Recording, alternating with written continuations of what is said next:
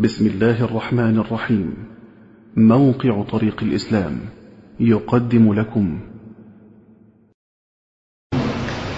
ومن الأمور المهمة بل هي أهم شيء في هذا الباب هو ما يتعلق بالإخلاص لله في الطلب.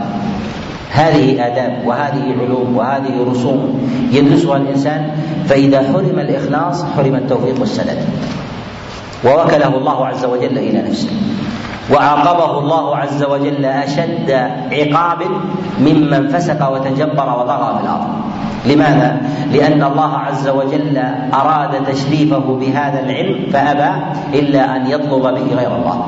ولهذا النبي عليه الصلاة والسلام يقول كما جاء في الصحيح من حديث أبي هريرة قال أول من تسعر بهم النار ثلاثة. ذكر منهم عالم تعلم العلم ليقال ليقال عالم. وقال تعلم أو قرأ القرآن ليقال قارئ فيؤمر به في النار فيلقى فيها. وجهاد ومجاهد جاهد ليقال جريء. ليقال جريء فيؤمر به فيلقى فيلقى في النار. هؤلاء يظنهم الناس في ظاهر أعمالهم أنهم خير الناس. هذا في القوة وهذا في العلم وهذا في إقراء في إقراء القرآن، لماذا؟ لأن هذه الثلاثة هي صفوة صفوة العبادة والتقرب لله سبحانه وتعالى، فإذا كان الله يجازي المخلص فيها بالأمور العالية كذلك أيضا يجازي المسيء المسيء فيه، لماذا؟ لأن الإنسان إذا قربته إليك بأمر ثم قام بالخيانة أليست عقوبته أشد من عقوبة الأبعد أشد لهذا قربك الله بالعلم ووفقك إليه فلماذا استدبرت الله واستقبلت الناس وهذا يدل على ماذا؟ يدل على شدة عقوبة الله سبحانه وتعالى لعباده. لهذا أقول إنه ينبغي لطالب العلم أن يعتني بالإخلاص وأن يبحث ويفتش في قلبه كل ساعة من ليله أو نهاره.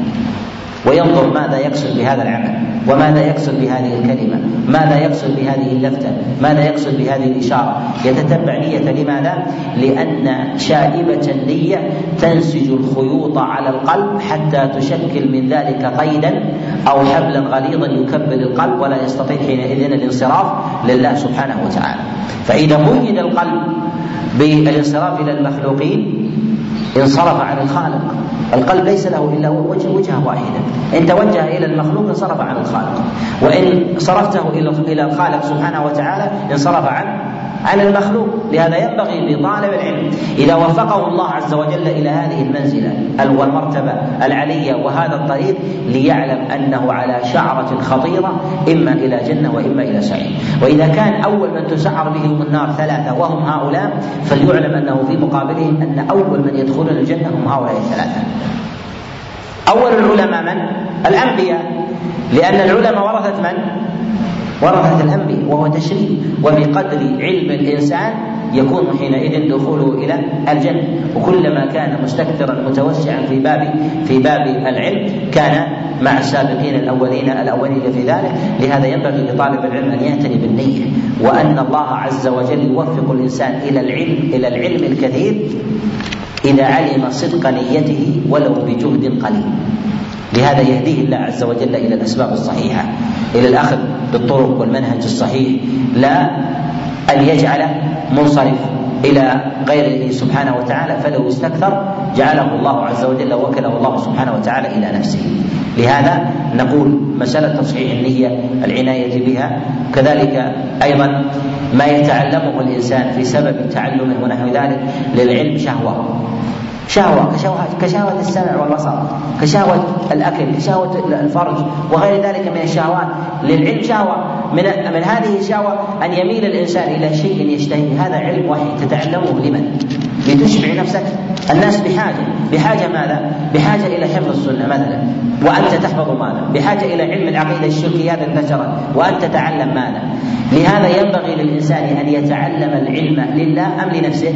ليتعلم لله والله وضع الدين لإصلاح الناس أم لا؟ لإصلاح الناس. لهذا ينبغي لطالب العلم أن يعتني بمثل هذه الأمور إصلاحا لما أوجب الله عز وجل عليه أن يقوم بهذا الباب. لهذا رسول الله صلى الله عليه وسلم بقي في مكة ثلاثة عشر عاما.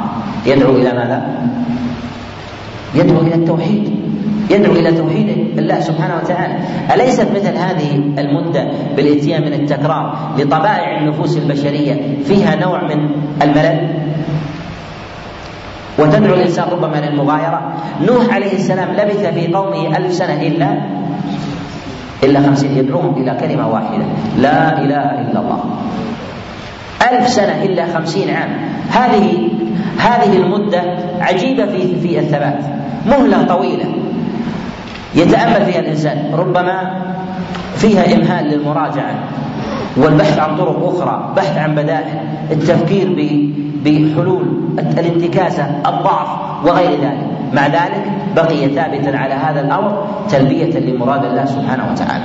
لماذا؟ لأن الإنسان يطلب العلم لإصلاح خلل الناس لإصلاح خلل الناس. وأما ما يتعلق بعلم نفسه فإن الإنسان يصلح نفسه بما بما يتحصله من علم. لهذا ينبغي لطالب العلم ألا يوغل في الجزئيات وقد عطل الكليات.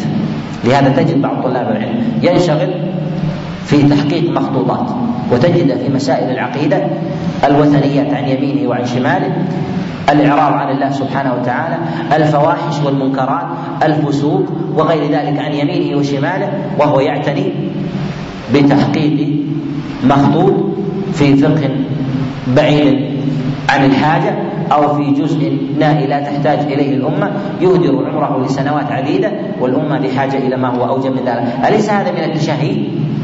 هذا من التشهي الرسالة ليست لك ما الذي أمرك الله عز وجل به؟ ما هي حاجة الناس في هذا الزمن؟ حاجة الناس في هذا العصر، ما الواجب عليك؟ الواجب عليك أن تعلمهم فيما قصروا فيما قصروا فيه، وهذا من توفيق الله عز وجل